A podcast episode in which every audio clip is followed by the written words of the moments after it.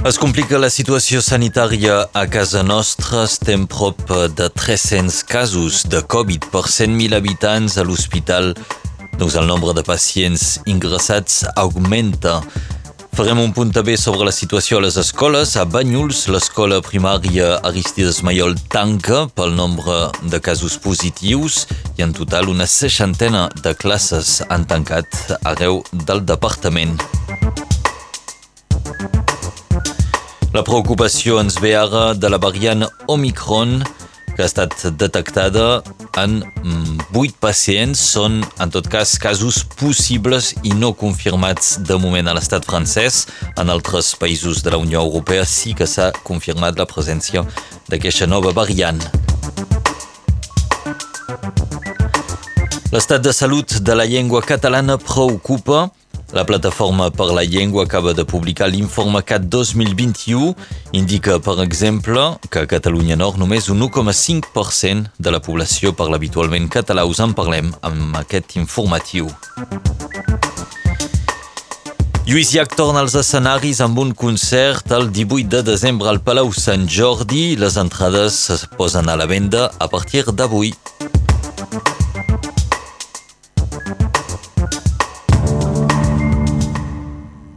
El coll de Banyuls torna a ser obert a la circulació. Ahir un grup de nord-catalans i d'empordanesos van desplaçar els rocs que vagaven el pas. Aquesta acció vol denunciar la decisió de l'estat francès que havia prohibit el pas amb l'excusa de la lluita antiterrorista i contra la immigració.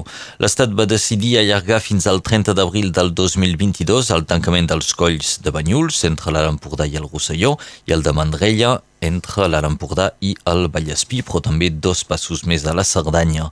Els manifestants no comprenen com és possible creuar la frontera sense problemes per la Junquera, mentre que el coll de Banyuls estava bloquejat, una situació que, segons els mateixos manifestants, perjudica l'economia del territori i simplement la mobilitat dels habitants del sector. La situació sanitària de Catalunya Nord empitjora cada dia un poc més. La taxa d'incidència és avui de 296 casos per 100.000 habitants, molt per sobre de la mitjana estatal que situa a 271. A l'hospital, 119 pacients estan hospitalitzats per coronavirus amb 10 casos, 10 pacients en reanimació. I a Banyuls, l'escola primària Aristides Mallol tanca avui a causa d'un nombre elevat de casos de Covid-19. S'han detectat casos positius en quatre de les set classes que compta l'escola. Davant d'aquesta situació, la vila de Banyuls, l'Agència Regional de Salut i la Inspecció Acadèmica han optat pel tancament total de l'escola des d'avui fins divendres. Avui a tot el departament hi ha 60, una seixantena de classes tancades per Covid-19. I actualment Europa vigila de ben a prop la variant Omicron apareguda a Àfrica del Sud. Segons els primers estudis, aquesta variant seria més transmissible, tindria una resistència més gran als anticossos, però no provocaria una mortalitat més gran. En aquests moments la variant Omicron s'està escampant i està mutant en països amb menys vaccinació. A l'estat francès s'han detectat fins a 8 casos possibles de la variant Omicron, segons ha indicat el Ministeri de la Salut. Les persones afectades han estat plaçades en aïllament. De fet, és que tots aquests pacients doncs han viatjat a Àfrica del Sud en els darrers 15 dies. Fins ara s'han detectat casos confirmats de la variant Omicron en diversos països europeus, com ara Alemanya, Holanda, Bèlgica, Itàlia, Dinamarca, Àustria, però també el Regne Unit. El català perd parlants cada dia i els primers a abandonar la llengua són els joves. Aquesta és la constatació alarmant que fa la Plataforma per la Llengua en el seu estudi Informacat 2021. Es tracta d'un recull de dades de tots els països catalans que permeten tenir una idea general de l'estat de salut del català. Les xifres d'enguany indiquen que als països catalans només un 32,4% de la població parla habitualment el català. 10 milions de persones saben parlar català avui, però només uns 5,5 milions tenen el català com a llengua habitual. L'estudi indica que des del 2005 el català ha perdut mig milió de locutors. Catalunya Nord és el territori on la llengua ha perdut més parlants i actualment només un 1,5% de persones parlen habitualment català. Òscar Escudé és el president de la Plataforma per la Llengua. hi han diverses causes d'aquesta emergència lingüística de la que parlem.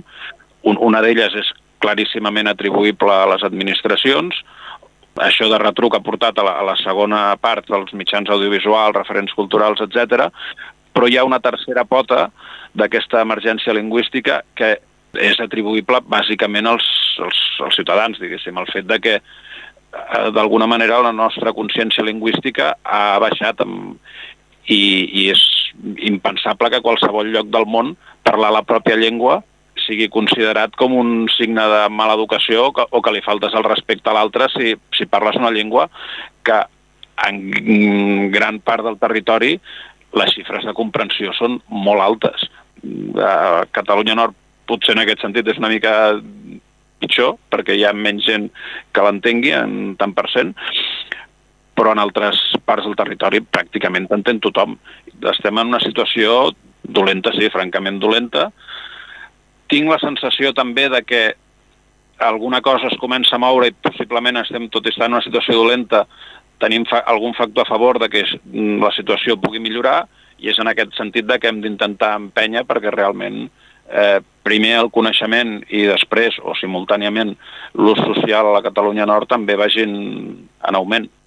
Són paraules d'Òscar Escudé, el president de la Plataforma per la Llengua, que reaccionava a les xifres que tots podeu consultar a l'informe CAT 2021 a la pàgina web de la Plataforma per la Llengua. Lluís Llach torna als escenaris. Avui es posen a la venda les entrades pel concert del 18 de desembre al Palau Sant Jordi, un concert en el qual Llach serà acompanyat de 14 artistes més. El concert servirà per difondre la feina del debat constituent, una associació que promou un procés participatiu transversal, inclusiu i plural per establir les bases constitucionals per al futur polític de Catalunya. Entre els artistes que acompanyaran Lluís Llach hi trobem els Catarres, Joan Dausà, Joan Reig, Su i molts més. Les entrades són disponibles des d'avui a la pàgina web debatconstituent.cat. Ahir a Calais, al nord de l'estat francès, el ministre de l'Interior, Gérald Darmanin, va convocar els seus homòlegs europeus per tractar de la crisi migratòria, una trobada motivada per la recent mort d'una trentena de migrants quan provaven de travessar el canal de la Mànega. La reunió haurà servit de ben poc. Una de les raons és l'absència de la ministra de l'Interior britànica, Priti Patel, a causa de la tensió creixent entre París i Londres durant tota la setmana.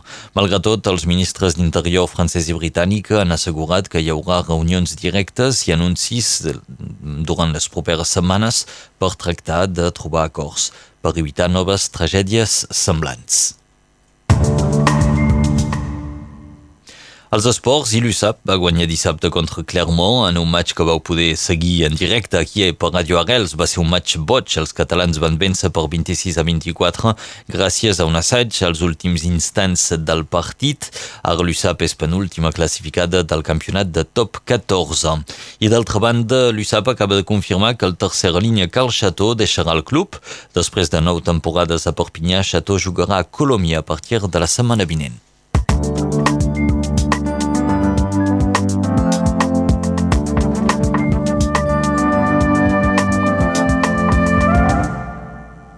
El moment ara de la informació del temps.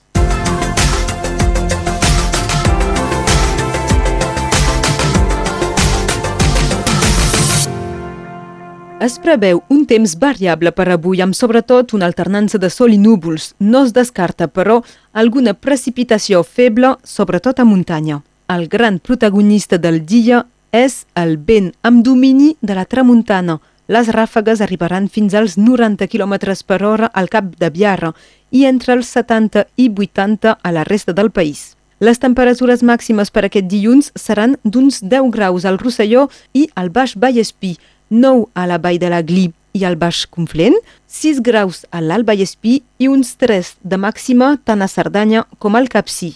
El sol es pondrà aquesta tarda a les 5 i 16 minuts. Un dia com avui, el 29 de novembre de l'any 1899, va néixer al gimnàs Soler de Barcelona una associació fundada per Joan Gamper. al Futbol Club Barcelona. També va passar un 29 de novembre del 1956 el grup Alfanal dona al Teatre Municipal de Perpinyà la primera representació de l'obra de Jordi Pere Cerdà El sol de la ginesta. I el 1995 va aparèixer el recull de novel·les Perpinyart. Es tracta d'un recull de cinc narracions d'Emili Chatart, pseudònim utilitzat per Aleix Renyer, Miquel Sargatal, Joan Lluís Lluís, Joan Daniel Besonov i Gerard Jaquet. Va ser publicat pel Trabucaire. El 29 de novembre és el Dia Internacional de Solidaritat amb Palestina.